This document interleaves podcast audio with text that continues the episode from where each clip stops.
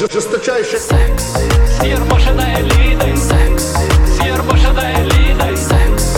Сир машина элитой. Лидочка элитой. Лидочка элитой. Жесточайший секс. Добрый вечер, мои дорогие радиолюбители. Как у всегда, в это время на связь выходит программа «Секс с Ермошиной Лидой». В нашей передаче мы, как всегда, знакомимся с новостями уходящей недели. Новостями, так сказать, страны, победившей стабильности. Ну а также зарубежья.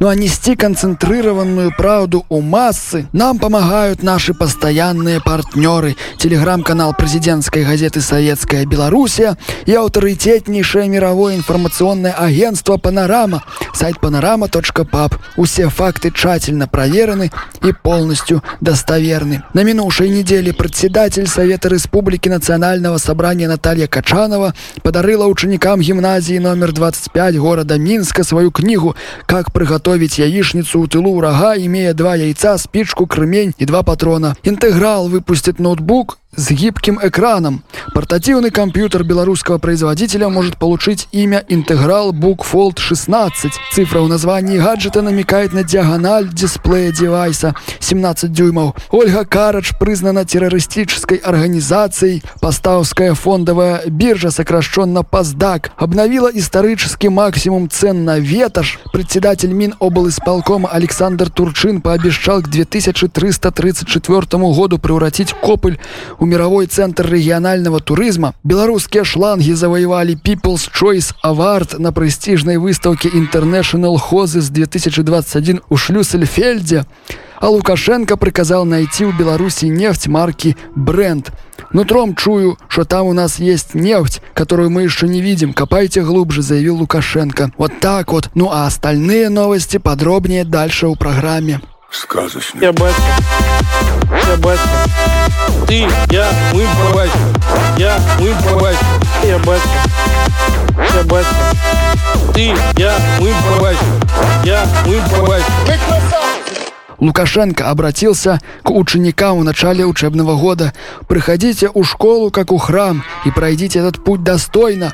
Будете учиться нормально, получите знания и рабочее место у себя в родном клочке. Если учиться не хотите, то не обижайтесь. Если придется всю жизнь горбатиться на панов, собирая клубнику за эти жалкие 1500 или 2000 евро. Ну, а что такое, расскажет? Сразу переходим к новостям.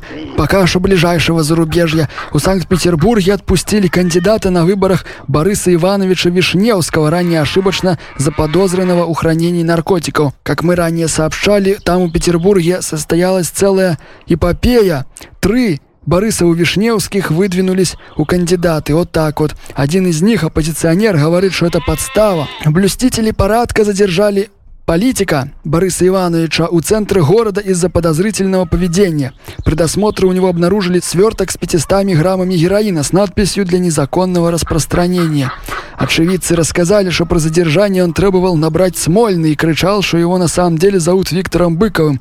Но документы говорили об ином, и неудавшегося наркокурьера доставили у отделения для дальнейших разбирательств. Еще за полчаса до выхода пресс-релиза об инциденте у ради телеграм-каналов сообщили, что либеральный дружок наркомана Резника сам попался на наркотиках и теперь не отвертится. Однако, как выяснилось позже, Борис Лазарович Вишневский, о котором шла речь у соцсетях, находится на свободе. Никаких наркотиков у него не находили. Ускоре после этого официальный пресс-релиз был удален, а Бориса Ивановича Вишневского отпустили. Повторная экспертиза установила, что героин был подброшен неизвестными злоумышленниками и к тому же является мукой. Также сообщается о том, что на время проведения выборов у России у Санкт-Петербурге запретили к продаже мазь Вишневского. Вот так вот. Утром выпил. День свободы. Организация Объединенных Наций торжественно уручила правительству Гвинеи приз «Золотой автомат Калашникова». Государственный переворот, недавно прошедший в этой стране, оказался юбилейным 500-м переворотом у Африки за 50 лет наблюдений.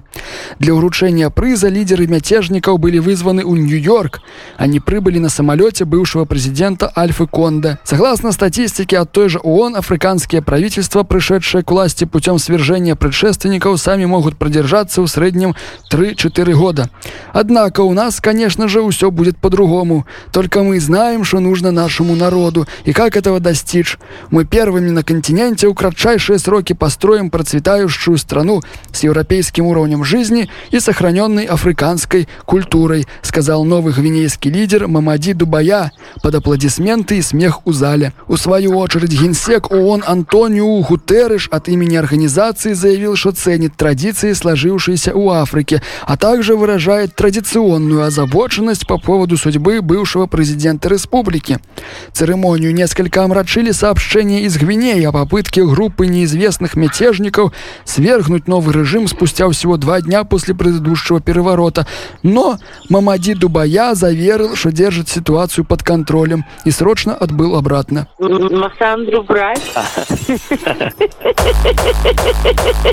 Королева Великобритании Елизавета II прибыла с рабочим визитом на Кентерберийский завод колесных тягачей, сокращенно КЗКТ, и резко раскритиковала его руководство за сохраняющиеся проблемы с качеством продукции и падением экспорта.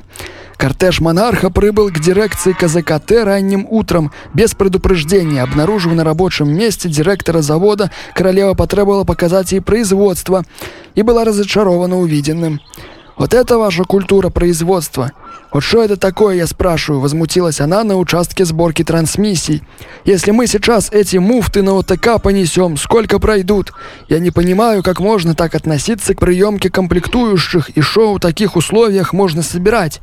Елизавета II указала на отсутствие спецодежды у большинства мастеров у трех разных цехах и поинтересовалась, кто проектировал сборочный конвейер таким образом, что крупногабаритные модели на нем бьются боковой облицовкой кабины о балку, обмотанную утеплителем.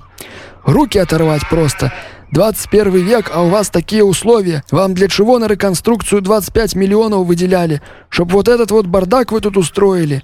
Чтобы до вечера все, включая контролеру у отделе качества, заявление на стол у отделе кадров положили, сказала королева. Монарх потребовала предоставить финотделу к понедельнику отчет о трате денег, выделявшихся в 2004 и 2012 годах, а также предупредила генерального директора завода о возможной уголовной ответственности за расхищение королевских средств. Ну, что такое расскажет? К новостям науки глава Роскосмоса Дмитрий Рогозин прокомментировал сообщение космонавта Олега Новицкого о пожаре у модуля «Звезда». По мнению топ-менеджера, причиной возгорания могло стать неумелое обращение с печным отоплением. Как пояснил глава Роскосмоса, печка на космической станции была установлена для экстренных случаев. Только если основная система вышла из строя, правилами МКС допускается использование печного отопления. У наших ребят с этим проблем не возникает. Кто-то у Дереони у бабушки видел, а у кого-то дома до сих пор дровами топят. Рогозин подчеркнул, что правила эксплуатации, как правило, нарушаются иностранцами. Европейцы и американцы печки только у музея видели. Им нужно все объяснять, а потом еще и контролировать. Мы изучили акты о проверке тяги и чистки дымохода, когда командиром МКС был немец Александр Герст. Там вообще никакие работы не проводились. Это же элементарная халатность. С американцами тоже постоянно проблемы. То дверцу неплотно закроют, то сырой валежнику печку бросят. Гендиректор Роскосмоса добавил, что на МКС доставляется только сухой сибирский валежник, но в условиях невесомости он может отсыреть. Рогозин добавил, что в ближайшее время на станцию будет отправлен печник для устранения недостатков и проведения профилактических работ. Руководство НАСА, в свою очередь, пообещало, что американские астронавты перед прибытием на МКС будут проходить базовый курс по эксплуатации печного отопления. Массандру брать? Православные студенты механико-математического факультета Московского государственного университета сообщили о планах бойкотировать лекцию о гомеоморфизме, а также не пустить у аудиторию своих однокурсников.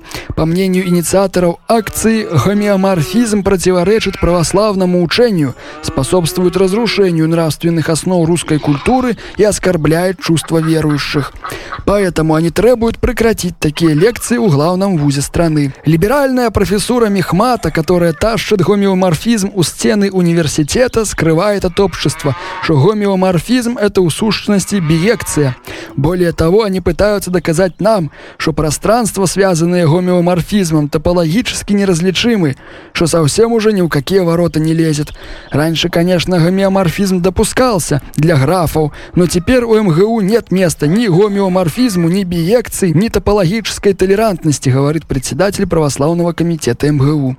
Столь резкая реакция православной общественности на взаимно однозначное и вполне приемлемое в современном топологическом отображении пространства явления как гомеоморфизм расстроила преподавателей Мехмата. Признаться, мы ожидали от наших студентов более терпимого отношения к различным биекциям, вне зависимости от религиозной принадлежности. Мы не хотели никого обидеть и готовы пронести извинения в любой форме. Нам всем ужасно стыдно. Тема лекции будет, разумеется, изменена, а преподаватель отстранен от работы до прояснения обстоятельств заявил декан теологического факультета МГУ профессор Александр Белосельский-Белозерский. Вместо лекции, тема которой вызвала недовольство православных студентов, Мехмат проведет занятия по более нейтральному явлению категорий отображения топологических пространств и изоморфизму. Утром выпил. День свободы. Ну і к новостям культуры. У срэду 8 сентября ў чарыпаўцы валагодскай области стартавал усерасійскі фестиваль настойки боярышника. Свои версии знаменитого напитка представили 142 производителя со всей России и даже из-за рубежа. Популярность настойки боярышника давно вышла за пределы аптек.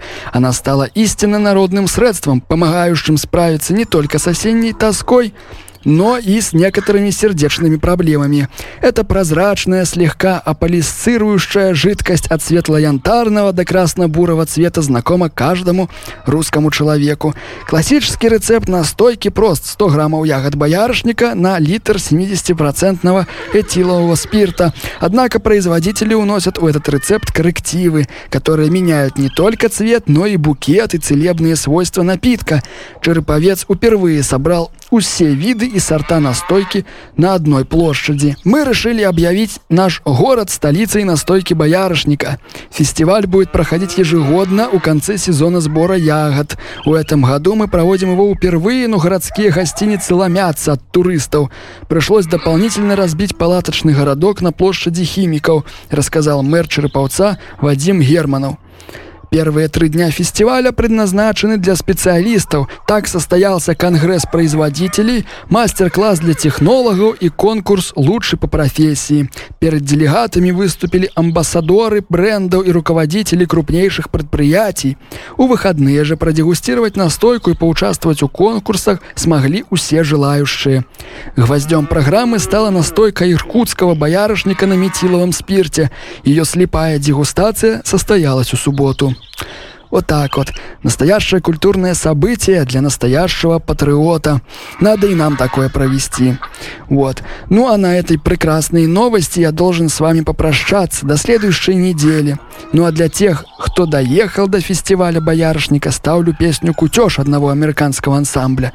До новых встреч, мои дорогие! Секс,